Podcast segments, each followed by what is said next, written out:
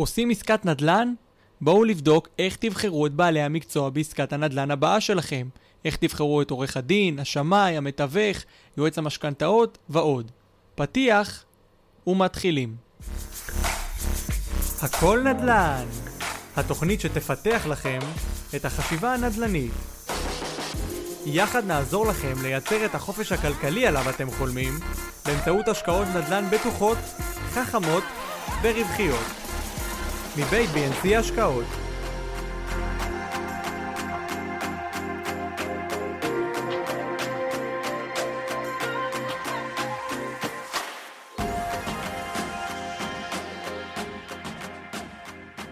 היום אנחנו הולכים לדבר איך אתם אה, צריכים לבחור את בעלי המקצוע שאיתם אתם הולכים לעבוד בעסקת נדל"ן.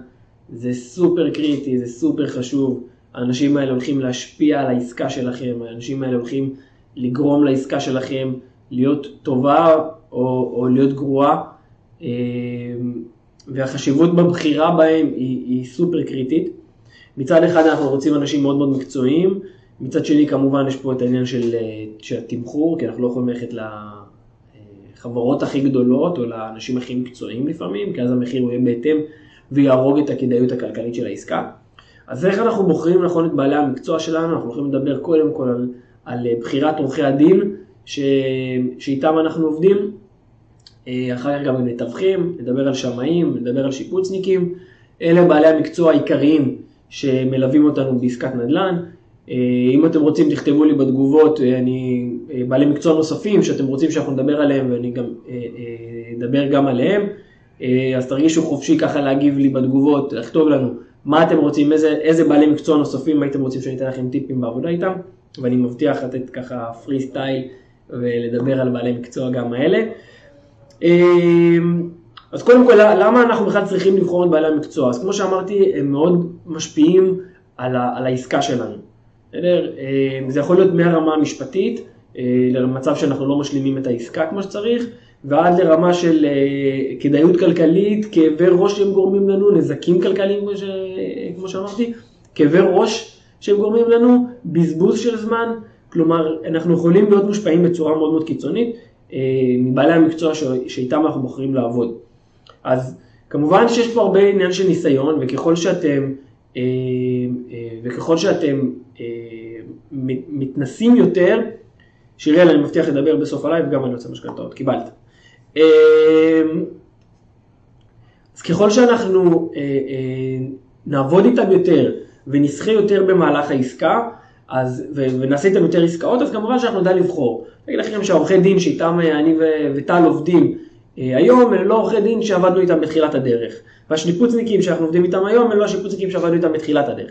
אז כמובן שיש פה הרבה מאוד עניין של ניסיון וחיבור ועבודה שוטפת, אבל אתם יכולים למנוע הרבה מאוד מהטעויות האלה מראש על ידי מספר פרמטרים, ואני רוצה שנתחיל כדי שנספיק, יש לנו עוד הרבה דברים היום לעבור עליהם, שנספיק ושתקבלו כמה שיותר אה, אה, ידע ותוכן.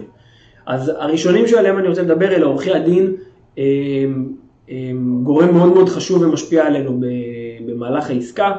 לפעמים זה נראה לאנשים שמה התפקיד של העורך הדין, בסך הכל לטיוטה, שגם ככה הוא עושה העתק הדבק מעסקה לעסקה, ומה כבר יכול להיות פה, ואני אקח איזה עורך דין אה, או עורך דין זול, בסדר? לא חאפר, כי אף אחד לא ייקח חאפר, אבל כן בהחלט יתפשרו על המחיר ויקחו עורכי דין מאוד מאוד זולים. ואז בסופו של דבר אנחנו מגיעים למצב של תסבוכות משפטיות מיותרות. זה יכול להיות ממצב של, אה, הנה יוסף גביזון, אז הדבר הזה בשבילך, יוסף גביזון אגב כותב לנו עורכי דין, אז הנה אני מדבר כמובן על עורכי דין. אה, למען הגילוי נאות, עורך דין שאנחנו עובדים איתו, יוסף גביזון, הוא מומלץ ואנחנו אוהבים אותך מאוד, אז נשיקות מפה. אמ, אז קודם כל, אמ, הם יכולים להשפיע על, ה, על, ה, על הרישום, כלומר אנחנו יכולים להגיע למצב שהרישום לא הושלם על השם שלנו וקנינו דירה, אבל היא לא בבעלותנו בטאבו, ואז אנחנו מגיעים למצב של דברים שיכולים להימשך שנים וסחבות אה, אה, שאנחנו לא רוצים להיות, וביום מן הימים שאנחנו רוצים למכור, אנחנו מגלים שהנכס לא הושלם הרישום והנכס לא על השם שלנו באופן מלא, ואנחנו עכשיו לא יכולים למכור וצריכים להתחיל להביא מסמכים מפעם כדי להשלים את הרישום, והדברים האלה הרבה פעמים אה, מסתבכים. אז החשיבות בבעל מקצוע איכותי, בעורך דין איכותי, היא מאוד מאוד מאוד אה, אה, חשובה. בנוסף זה גם יכול למנוע הרבה מאוד בעיות באותו רגע, נתון, זאת אומרת במהלך העסקה עצמה כשאתם קונים את הדירה, עורך דין טוב, שיבנה לכם את החוזה בצורה, בצורה נכונה, יגן עליכם ככה שהמוכר או הקונה, לא משנה מי, הצד השני, לא יוכל לפגוע בכם. כלומר, גם אם תהיה לכם איזשהם סטיות מסוימות, בלת"מים, דברים, אתם עדיין תהיו מוגנים ולא תשלמו קנסות, או לא תהיו חשופים אה, אה, לתביעות כאלו ואחרות. אז קודם כל, הפרמטר הראשון בבחירת עורך דין בעסקת מקרקעין, הוא שעורך דין, תחום ההתמחות שלו הוא, הוא, הוא מקרקעין. כלומר, אם זה עורכי דין לענייני משפחה, אה, עורכי דין פליליים, כל, כל העורכי דין ב, ב, ב, בתחומים אחרים, אל תעבדו איתם, בסדר? תיקחו מישהו שזה תחום ההתמחות שלו. לא מעניין אם דוד שלכם הוא עורך דין אה, לענייני משפחה והוא יכול לעשות לכם את החוזה בחינם, עדיף לכם לשלם עוד כמה שקלים ולדעת שאתם אה, אצל מישהו שזאת העבודה שלו, זאת ההתמחות שלו, זה מה שהוא עושה ביום יום, הוא שוחה בעסקאות, הוא עושה אותם כל הזמן, הוא חי את, ה, אה, הוא חי את הפסיקה, הוא, הוא מכיר מקרים, הוא מכיר, הוא מכיר מצבים מסוימים והוא ידע לבנות לכם את העסקה בצורה הנכונה ולהגן עליכם בצורה המיטבית. עוד בונוס שהייתי, אה, אה, הוא לא חייב להיות, אבל הוא בהחלט משהו מאוד מאוד אה, חשוב, זה שגם יהיה לו הבנה, וככל ויש לו יותר הבנה ויותר התמחות בעניין הזה, מבחינתי זה בונוס יותר גדול, בכל מה שקשור במיסים, במיוחד במיסוי מקרקעין. אם זה מישהו שהמשרד שלו משלב את שני הדברים, זאת אומרת הוא גם מבין במיסים וגם במקרקעין, אתם מוצאים בעיניי עורך דין מושלם בעניין הזה, עוד פעם, הוא לא חייב להיות במיסים, קודם כל הדבר הכי חשוב זה שיהיה את העניין של המקרקעין, אבל אם יש מיסים אז זה בונוס, במיוחד לכאלה שעוסקים בהרבה מאוד עסקאות, אה, עורכי דין אה, אה, שמתמחים במיסים ידעו לבנות לכם את העסקה מההתחלה ועד הסוף בצורה הנכונה ביותר כדי שהתכנון מס שלכם יהיה נכון ואתם תשלמו כמה שפחות מס בצורה חוקית כמובן ונכונה. הדבר השני, המלצה, בסדר? אתה יודע, יותר מהמלצה בעיניי, תראו שהעורך דין, שהעורך דין בעסקה מייצג רק אתכם. בסדר? שלא יהיה עורך דין שמייצג את שני הצדדים. אני יודע שזה משהו שלפעמים מתווכים אוהבים לעשות את זה. זה משהו שעורכי דין לפעמים אוהבים לעשות את זה, את העניין של להיות בשני הצדדים, כי זה מזרז את העסקה. ברגע שיש עורך דין אחד בשני הצדדים, אין לו עם מי לעשות טיוטות, הוא עושה טיוטות עם עצמו, הוא מגיע מבחינתו לאיזשהו עמק שווה והכל טוב ובונה את הטיוטה ומפה יוצאים לדרך.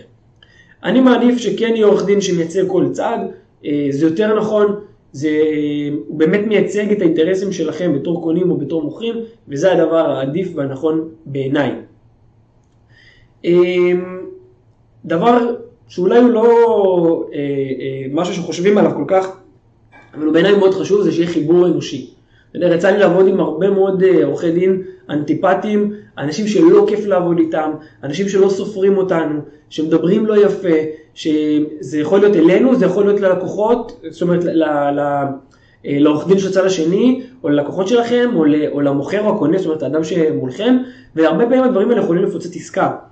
אה, עורך, עורך דין שיש לו אה, יכולת דיבור, שיש לו חיבור נכון עם, עם אנשים, יכול בהחלט עם, עם קריצה, עם חיוך, עם, עם, עם הצ'ארמרים שיש לו, להוציא לכם הרבה מאוד דברים בעסקה שהם מאוד מאוד חשובים, וגם החיבור שלכם אליו הוא מאוד מאוד חשוב, אתם רוצים מישהו שיהיה לכם קל לדבר איתו, לשאול אותו שאלות, אה, אה, שיענה לכם, ובסבלנות ובצורה מסודרת ובהירה, ולא אה, ככה ברמה של כן, לא, ככה קצר אליכם, כי אתם, זה, זה לא נכון, אתם עושים עסקה גדולה, אתם רוצים לשאול שאלות, אתם רוצים לקבל תשובות, ואתם, וזה מגיע לכם, בסדר? אז אם יש מישהו כזה שהוא לא, שאתם מרגישים שאין שם חיבור, תוותרו עליו. עם כל זה שהוא מקצועי, תוותרו עליו.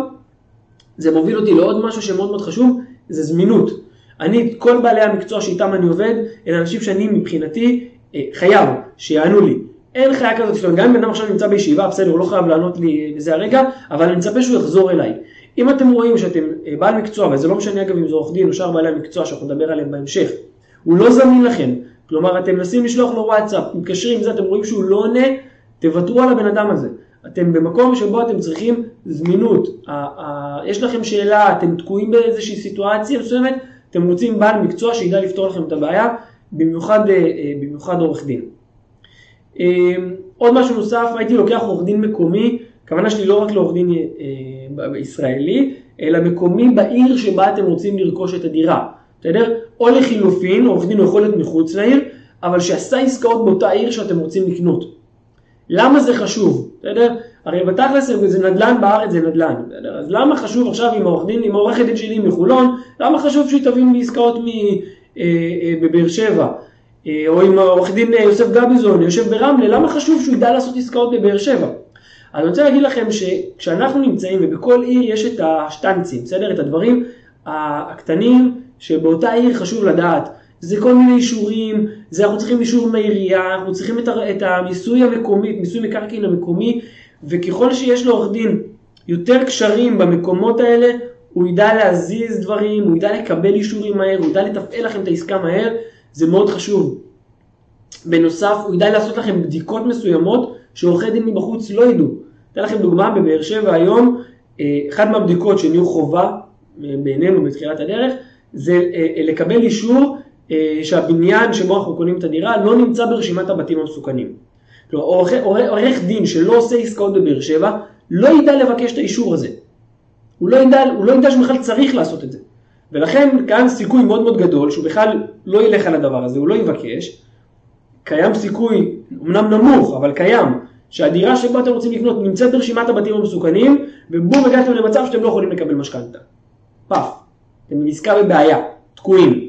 תבינו עכשיו את החשיבות של עורך דין מקומי. הוא יודע, הוא חי את השטח, הוא יודע מה הדרישות של העירייה, הוא יודע מה הדרישות של השמאים, הוא יודע, הוא יודע מה הדרישות שקשורות לתוך העיר, ויש פה חשיבות אדירה. ראינו את זה במקרים של אה, מטראז' בדירות, פערים במטראז' של דירות, שעורך דין שהוא לא מקומי, הוא לא מבין את התפיסה, הוא לא מבין למה יש הבדלים משמעותיים בין הארנונה לטאבו, ועורך דין מקומי ידע לעשות את זה, ועוד פעם מיסוי מקרקעין והעירייה וכל הדברים, מאוד מאוד חשוב שזה יהיה מישהו שעשה עסקאות באזור הזה, או ששם זה תחום ההתמחות שלו, הוא יושב שם ועושה עסקאות באותה עיר שאתם רוצים לקנות דירה. הדבר האחרון שקשור לעורכי דין זה הגדרת שכר טרחה. אמ, הדבר המקובל זה חצי אחוז פלוס מע"מ, אני לא נכנס לזה כרגע, אם אפשר פחות, אפשר יותר. אמ, אני שם רגע את, את עניין המחיר בצד, בסדר? אתם צריכים לראות שזה שווה לכם אה, מבחינה כלכלית, ושאתם יכולים לעמוד בזה ומוכנים מבחינת התוכנית העסקית שלכם. מה שיותר חשוב לי, זה מעבר להגדרה של המחיר, זה גם ההגדרה של מה העורך דין עושה. מאוד חשוב שהעורך דין ייתן לכם מעטפת כוללת וילווה אתכם לא רק עד לחתימת החוזה. בסדר? כלומר העבודה שלו היא לא רק לעשות טיוטות ולדאוג להחתים, לכם, להחתים אתכם בחוזה, העבודה שלו היא מעבר לזה. בסדר? היא לבנות את הטיוטה בצורה שמתאימה לכם ולעסקה שלכם. בסדר? הטיוטה היא אישית, שלכם, לפי צורת תשלום שאתם יכולים לשלם או הולכים לשלם, פריסת התשלומים, מתי אתם מקבלים את הכסף, הוא צריך לשאול אתכם שאלות ולבנות את זה בצורה נכונה. הוא צריך לעשות לנכס בדיקות משפטיות, אמ, הוא צריך לעשות לכם בדיקות משפטיות, כלומר אה, אה, לבדוק תסריט בית משותף, לבדוק את נסח הטאבו, לעשות הרבה מאוד דברים שאני יכול להגיד לכם שהיה לי מקרה בעבר של עורך דין, כשהיינו בתחילת הדרך אני וטל ממש בעסקאות הראשונות שלנו, שאנחנו לא ידענו בכלל, לא הכרנו את המושג הזה תסריט בית משותף, לא ידענו שצריך לבדוק משהו כזה, והעורך דין שלנו לא בדק את זה, והגענו למצב שיש טעות בתסריט בית משותף, ואנחנו. כן, חתמנו על חוזה ואנחנו לא יכולים לקחת משכנתה. וזה כבר סיפור שדיברנו עליו באחד הלייבים, וכמובן למדנו מזה לקח, ובמקרה הזה של העסקה ידענו לצאת מזה בצורה נכונה, אבל תבינו מה זה, איך הגדרה נכונה, ועורך דין אומר, מה, אני לא ידעתי שאני, אני לא הייתי צריך לבדוק את התסריט. אז אני אומר לכם שעורך דין צריך לבדוק איתכם את התסריט, הוא מחויב לבדוק איתכם את התסריט, הוא מחויב לבדוק את נסח הטאבו, הוא מחויב לבדוק את כל המסמכים המשפטיים שיש. אה, אה, כדי לדעת שאתם מוגנים בצורה המיטבית, בצורה הכי, הכי טובה שיכולה להיות. כמובן אמרתי לבנות את הטיוטות בצורה נכונה, לדווח על העסקה לרשות אה, למיסוי מקרקעין, ויש כאלה, הרי נתקלתי במקרים של עורכי דין ששכחו לדווח, ואז הקונה או המוכר קיבלו קנסות בסיטואציה הזאת, וזו סיטואציה מאוד לא נעימה, ולבטל את הקנסות אחר כך זה קצת יותר בעיה. וכמובן אחרי שאתם קונים ומשלמים, עורך הדין צריך לדעת להשלים את הרישום ושהדירה אה, אה, אה, תירשם על שמכם באופן מלא בטאבו, זה לוקח קצת זמן, יש כל מיני מסמכים שהוא צריך לאסוף, אבל הרבה פעמים ברגע שהם משלמים לעורך דין את הכסף, אז הוא כזה שוכח מהתיק שלכם, שם אותו בצד, ואם הוא קיבל את האישור או לא קיבל את האישור, הוא ייזכר בזה בעוד כמה חודשים, יש פה איזושהי סחבת, אל תיתנו לזה לקרות, תראו שהעורך דין שלכם עם היד על הדופק, ואחד כזה שמתקתק עניינים, מביא צ'יק צ'ק את האישורים שצריך, ודואג לרישום בטאבו. זה דיברנו על עורך דין, אם יש עוד שאלות לגבי עורך דין אתם מוזמנים לשאול אותי. אני רוצה לעבור לבעל המקצוע הבא, למתווך. איך אנחנו בוחרים מתווך בשוק שלנו, אם אנחנו רוצים לקנות או למכור. אז קודם כל, אמינות. בסדר? מתווך יכול להביא לכם עסקאות מעולות, ויכול להביא לכם עסקאות לא טובות, אה, ומאוד מאוד חשוב שזה יהיה מתווך אמין. איך אתם בודקים? בסדר?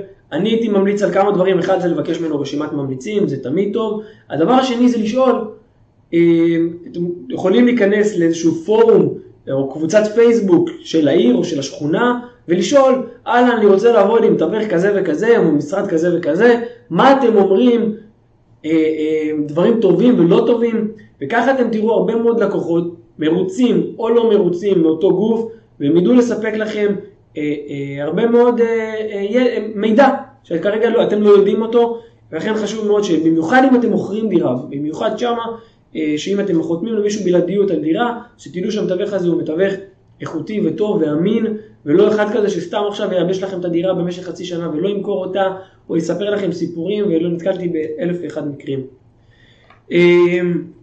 גם פה כמובן חשוב שיהיה חיבור טוב, מישהו שיש לכם כימיה איתו, ראיתי כבר מתווכים שמדברים בצורה מזלזלת, אמ, אה, מלאים בעצמם, סליחה ככה, שחצנים ומדברים בצורה מזלזלת לאנשים ולא סופרים, לא משנה אם אתם קונים או מוכרים.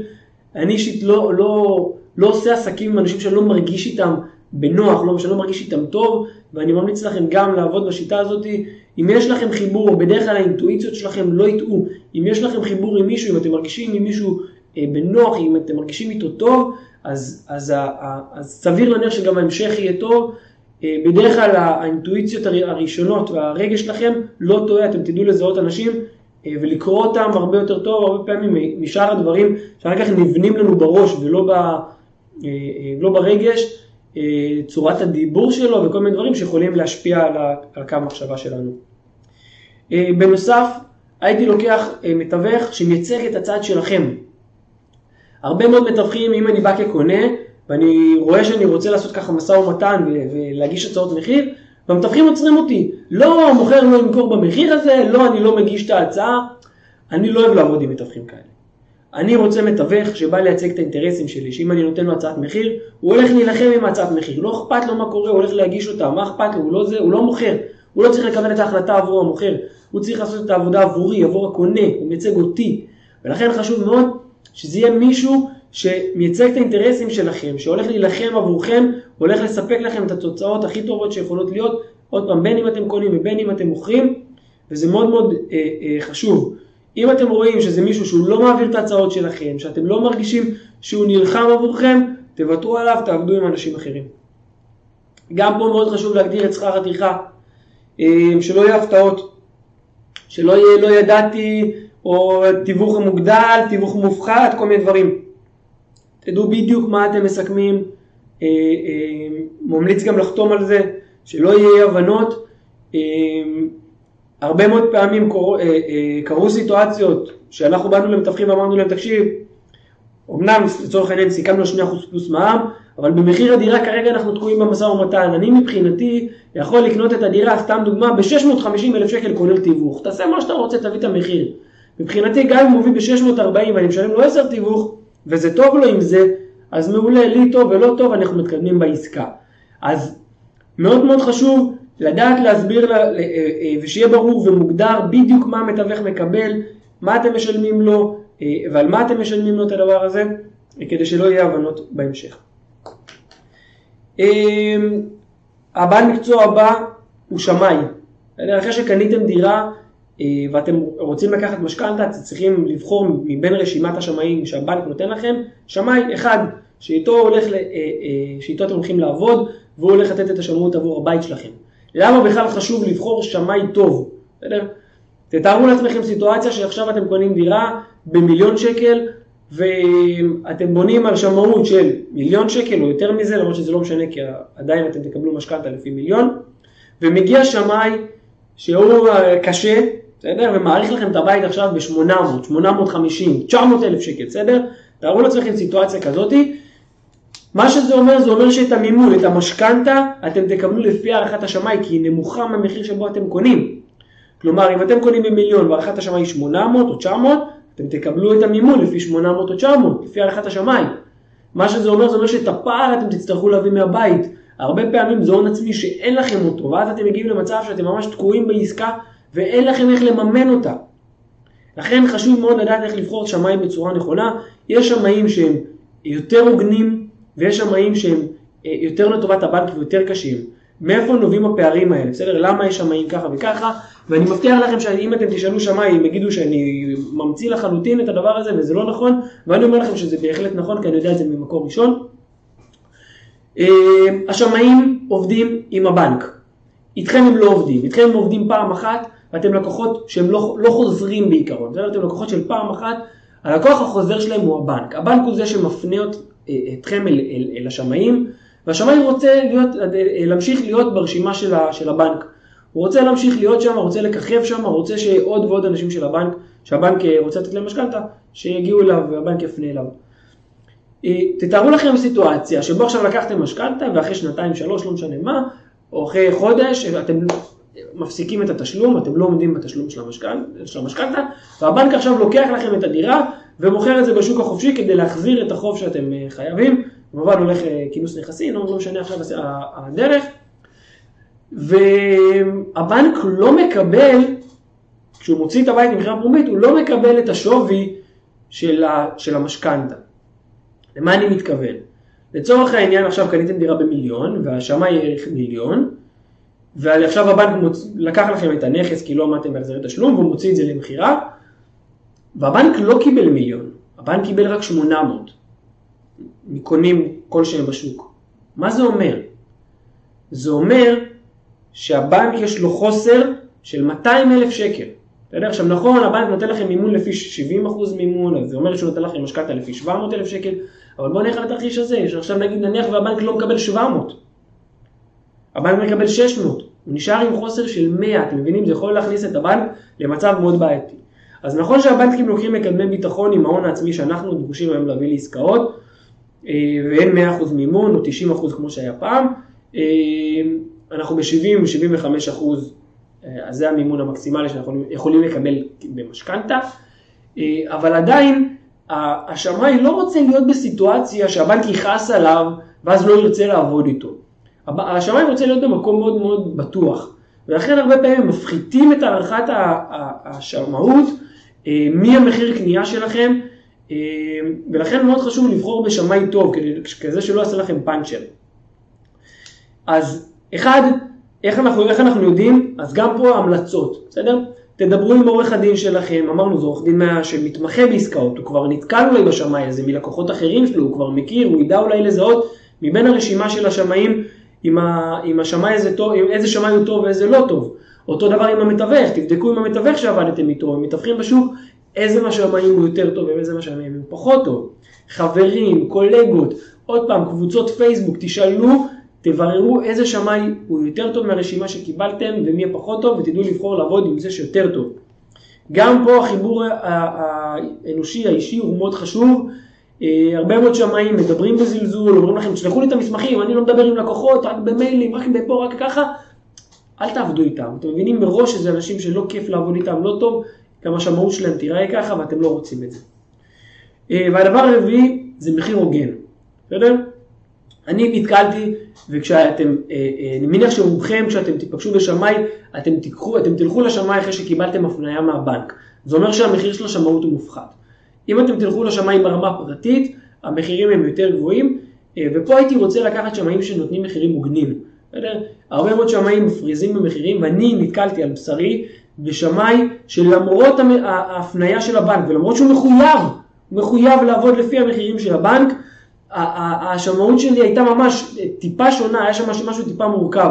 טיפה שונה מהשמאות סטנדרטית, והוא רצה שם לתת תוספת של עוד איזה 2,000 שקל, משהו מוגזם לחלוטין, וכשפניתי לשאר השמאים הם בכלל לא ביקשו ממני תוספת, והבנתי שזה בן אדם שמנסה לעשוק את הלקוחות שלו, ולא אכפת לו מהלקוחות שלו, והבנתי שזה בן אדם שאיתו אני לא הולך לעבוד, ואגב תלונה כזאת שהייתה שהעברתי לבנק, ואני מבטיח לכם שהשמאי הזה לא, אה, אה, אה, לא ינסה לעשות את זה עוד פעם, כי הבנקים נכנסים בהם, הבנקים לא רוצים את זה, כי תחשבו שזה פוגע בבנק.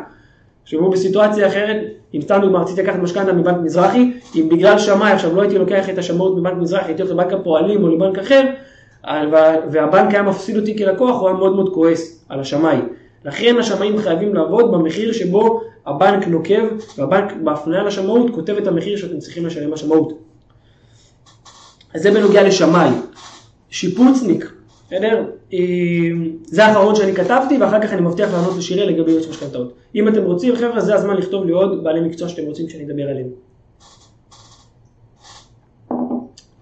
בשיפוצניק אני רוצה לקחת מישהו עם ניסיון. אה, מישהו שלא עכשיו אה, אתמול התחיל להחזיק פטיש ומסמר ביד, אלא מישהו ש, שעשה שיפוצים, שהוא כבר שנים בתחום, שיש לו ניסיון, שהוא עשה הרבה מאוד פרויקטים ברמה שלנו, בסדר? אנחנו לא רוצים שיפוצניק שעושה עכשיו אה, אה, דברים גדולים מדי ואז העבודה שלנו תהיה קטנה לו מדי. מצד שני אנחנו גם לא רוצים שיפוצניקים קטנים מדי שפעם ראשונה אנחנו מתקילים אותם עכשיו באיזשהו אה, אה, שיפוץ גדול. כלומר איזשהו אנדימן לא בהכרח יכול להחזיק לנו שיפוץ של נכס שלם של אינסטלציה בחשמל. אז הניסיון וככה הניסיון הספציפי של השמאי בסוג השיפוץ שאנחנו רוצים לעשות הוא מאוד מאוד חשוב. אמ, אני מציע לכם ללכת לראות בעיניים עבודות, בסדר? לכו תראו עבודות שהוא עשה בעיניים, מאוד חשוב הפינישים, בסדר? שם בדרך כלל השיפוצניקים נופלים, אמ, ואם אתם תראו שהפינישים ככה לא טובים, זה יכול להעיד על, אה, אה, על כלל העבודה. אה, כמובן תדברו עם, עם האנשים שאצלהם עשו את השיפוץ, תבינו אם היו תקלות בחשמל, באינסטלציה, התשתיות זה משהו מאוד מאוד חשוב. את התשתיות הם עושים, ואז תחשבו אחר כך סוגרים על זה, קירות, ריצוף, הכל, לפרק את זה ולהתחיל לשנות זה בעיה. לכן מאוד מאוד חשוב שהתשתיות יהיו ברמה מאוד מאוד טובה וגבוהה, ותדברו עם אנשים שעשו אצלם שיפוץ, ותראו בעיניים שלכם וגם תשאלו אותם איך התשתיות, האם יש סתימות, האם יש בעיות, האם חזר מים, האם יש בעיות בחשמל, כל מיני דברים שמאוד מאוד חשוב אה, לדעת. אה, בנוסף לחשמל אני ממליץ בסוף הש... אה, אה, לסכם לשיפוצניק שבסוף השיפוץ הוא מביא לכם אישור מחשמלאי מוסמך שכל העבודות נעשו כמו שצריך ושאין תקלות בחשמל, זה מאוד מאוד חשוב. גם פה כמובן לדבר עם ממליצים, זה מאוד אה, אה, חשוב, כמה שיותר יותר טוב, תשאלו שאלות, תדברו עם אנשים, אל תתביישו. הרבה מאוד אנשים מבקשים רשימת ממליצים, אבל בפועל לא מדברים עם הממליצים. אני רואה את זה אצלנו, בסדר? אני נותן לאנשים פה דף עם אה, ממליצים כדי שיעבדו איתי, בפועל אני מגלה אחר כך שהם לא דיברו איתם, אז סתם חבל. אם כבר ביקשתם ממליצים, בבקשה, לכו תדברו עם אנשים, שאלו אותם שאלות, זה מאוד חשוב. אה, חוזה עבודה מסודר, אם זה שיפוצניק שבא אליכם וכותב ככה דף ב', יאללה, כן, בוא, זה השיפוץ ככה וככה, זה, עצור, עצור, עצור הכל, תודה רבה, איתך אני לא עובד. אנחנו רוצים שיפוצניקים אה, אה, שעובדים מסודר, חשבוניות, אה, אה, שהם, אם הם קבלן רשום אז זה בכלל מדהים. לא כולם, לא חייב, בסדר? קבלן רשום לא חייב, זה, זה מומלץ, לא חייב, אבל בהחלט פנקס חשבוניות מסודר, תראו שה, שאין להם בעיות, אומרת, תעשו, תכתבו ניקוי מס במקור בגוגל, תזינו את הח"פ או את המספר עוסק, ותראו שה, שה, אה, שאין להם בעיות בדיווחים, זה יכול להעיד על בן אדם. בן אדם שלא משלם לרשויות, זה יכול להעיד על בן אדם שמחר מחרתיים יברח לנו עם כסף. אנחנו לא רוצים, אנחנו רוצים אנשים שהעבוד, שהם, אה, אה, שהספרים שלהם מסודרים ושהם עובדים בצורה מסודרת. אנשים שעוד פעם עובדים עם חוזה מסודר, הם באים עם חוזה, לוחות זמנים, תנאי תשלום, הכל מאוד מוסדר.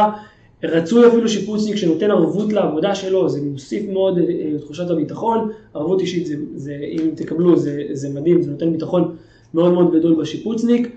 אה, מצד שני, אני לא, לא מצפה עכשיו שהשיפוצניק יהיה עורך דין ויבוא אליי עכשיו עם אה, ספר זה, אבל בהחלט חוזה שיפוצים צריך להיות חוזה של שלושה ארבעה עמודים אה, שמסדיר בתוכו את כל התהליך ומה התפקיד שלו ומה התפקיד שלכם ומי מביא את החומרים ומה אתם מסכמים בשיפוץ ומה המחירים ומאוד חשוב גם להסדיר מחירים לתוספות. אם אתם רוצים להוסיף שקע, מה העלות? אם אתם רוצים להוסיף נקודת אינסטלציה, מה העלות?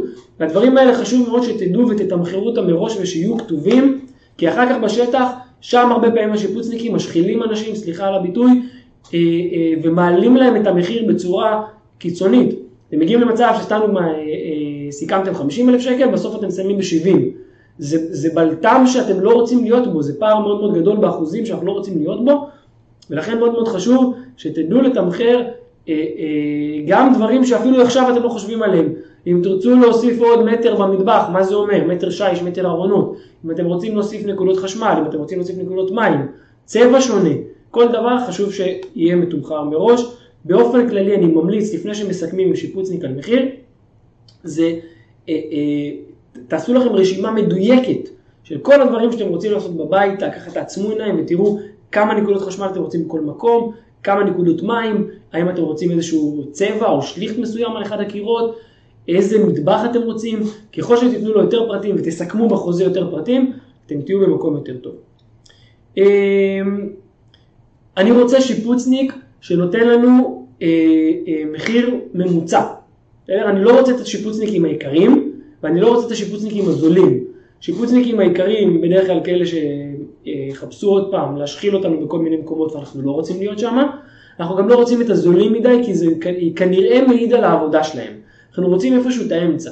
לכן אנחנו תמיד ממליצים לקבל לפחות שלוש הצעות מחיר משיפוצניקים, ככה אתם תדעו אה, אה, מי נותן לכם ככה את התמחור, אם אתם תראו ששלושתם נותנים את אותו כיוון אז זה בסדר, אבל אם תראו מישהו אחד נתן לכם 50, אחד 70 ואחד 100, תבינו שאתם כנראה צריכים להיצמד לזה של ה-70.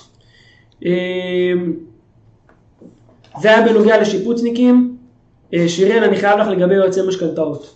אוקיי, אז כמה דברים. אחד, יועץ משכנתאות, גם פה החיבור הוא מאוד מאוד חשוב, האישי, מישהו שישב איתכם, יסביר לכם את, את, את תמהיל המשכנתה שהוא הולך לבנות לכם, למה התמהיל הזה הוא מתאים לכם. בן אדם שלא יגיד לכם, טוב יאללה עכשיו הולכים לבנק, אני מגיש אתכם, קחו זה המשכנתה ויאללה צאו לדרך. זה לא עובד ככה.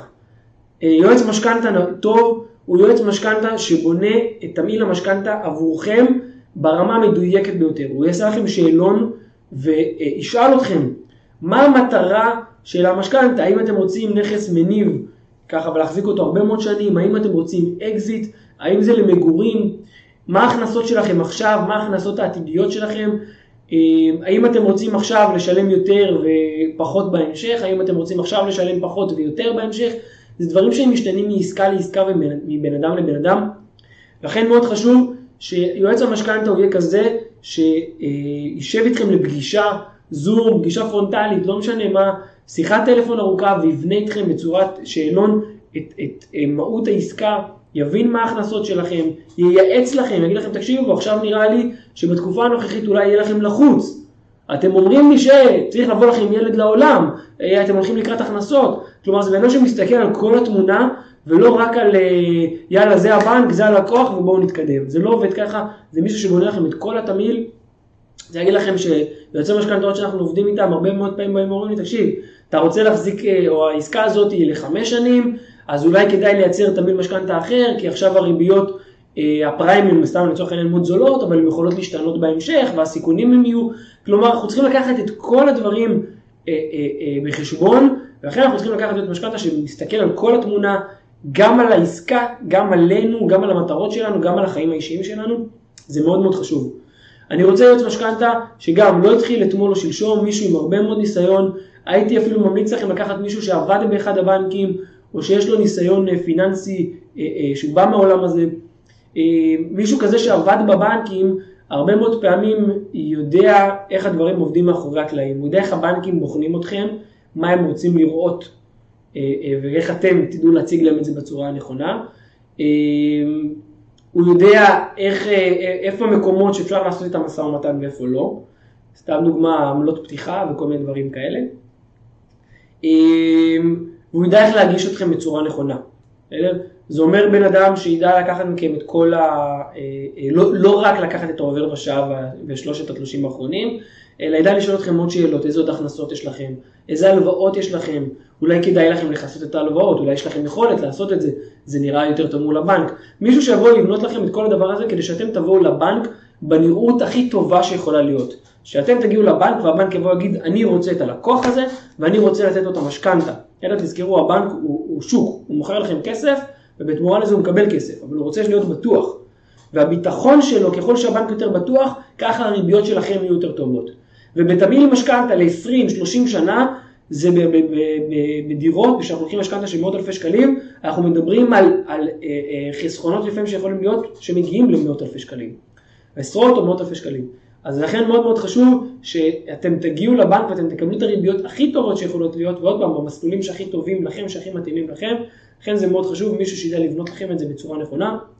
המחיר הוא, הוא, הוא קריטי, בסדר? ראיתי יוצא משכנתאות שעל דירה פשוטה בבאר שבע נותנים הצעת מחיר של 20 אלף שקל, שימו לב, 20 אלף שקל, וראיתי אנשים שנותנים גם מחירים מוגנים של 4,000 ו-5,000 שקל או 6,000 שקל, שאלה בדרך כלל זה הטווחים של היועצי משכנתאות, תלוי כמובן במורכבות של התיק ובמורכבות שלכם אה, כלקוחות, ככל שאתם יותר בעייתיים, בסדר?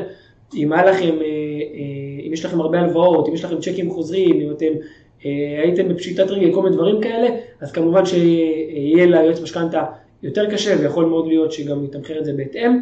אז כמובן המחיר הוא, הוא מאוד מאוד חשוב. למה אני אומר שזה מאוד חשוב? אם אתם הולכים לצורך העניין לעסקת אקזיט, ואתם רוצים עכשיו יועץ משכנתה שיעזור לכם, אם אתם תקחו את משכנתה של 20 אלף שקל, הוא לא, הוא לא מצדיק בכלל את, את, את הייעוץ שלו. לכו לבנק, קחו משכנתה לבד, לא משנה כמה תיתנו ותקחו משכנתה גרועה, אתם לא תגיעו לתמחור הזה. לכן מאוד מאוד חשוב שבכלל היועץ משכנתה יספק לכם בעלות שלו, ומה שאתם משלמים לו, ייעוץ משכנתה שמצדיק את זה, הוא צריך לחסוך לכם בריביות ובתנאים ובמסלולים שהוא בונה לכם את, ה, את, ה, את העלות שלו. אז לכן זה מאוד מאוד חשוב. כמובן הייתי גם לוקח יועץ משכנתה שעושה לכם את כל העסקה, מלווה אתכם בבנק ביום החתימה, לא אחד כזה שרק שולח אתכם לבנק ונעלם, אלא מישהו שמלווה אתכם, במיוחד אם אתם עושים עסקה פעם ראשונה ואתם לא מומחים, אתם לא יודעים להיות, אה, מה אתם צריכים לעשות מול הבנק, אה, מישהו שמלווה אתכם יד ביד לבנק לחתימת החוזה, אה, אה, עוזר לכם בכל ארגון המסמכים ומלווה אתכם לאורך כל התהליך, בסדר? אה, כמובן ש, שמי שעושה ליווי להשקעה, בסדר, כל מיני חברות כמונו וכמו אחרים, שעושה ליווי להשקעה, אמור לתת לכם מעטפת של כל מה שדיברתי עכשיו, בסדר?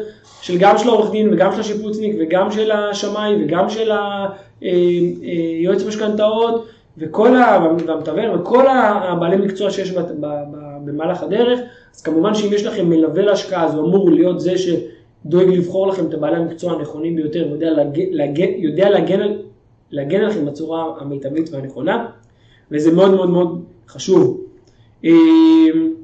אם אתם בוחרים לבד, ללכת לפעול לבד, כמו שאמרתי, אלה הקטגוריות לבחור את כל אחד מבעלי המקצוע. אם אתם בוחרים ללכת עם מלווה משקיעים, אז תבחרו מישהו מנוסה, מישהו טוב, שידע לבחור לכם את בעלי המקצוע האחרים, כמו שאמרנו, עורך דין, מתווך, שמאי, ושיפוצניק ויועץ משכנתאות, שידעו לעשות את זה בצורה המיטבית והנכונה. אה, ב-16 לחודש, יום שני הקרוב, הבא, אנחנו עושים לייב מאוד מאוד מיוחד, אה, אני וטל בערב, אנחנו מזמינים אתכם להירשם, בסדר? אני אכתוב פה בתגובות בהמשך קישור, אני אשים פה קישור. אתם מוזמנים, בינתיים מי שרוצה שנשלח לו את הקישור גם בפרטי, תכתבו לנו אני, אני, אני, ואני אשלח לכם קישור, אנחנו הולכים לעשות ערב מאוד מאוד מיוחד, אה, דומה למה שעשינו אה, בסוכות, אז אנחנו ממליצים לכם אה, להירשם, הולך להיות סופר מעניין, סופר מלא בתוכן, יש אורחים, יש הרבה מאוד עניין, אנחנו מזמינים אתכם להירשם לדבר הזה. זהו חברים, זה היה הלייב של יום שלישי הזה, אנחנו נתראה ביום שלישי הבא, שעה חמש. אם אתם רוצים לרשום לנו נושא שאתם רוצים שנדבר עליו, תכתבו לי בתגובות, ואני מבטיח שנעשה. להתראות. נהניתם? תוכלו לשמוע את כל הפרקים בספוטיפיי, אפל מיוזיק וגוגל פודקאסט.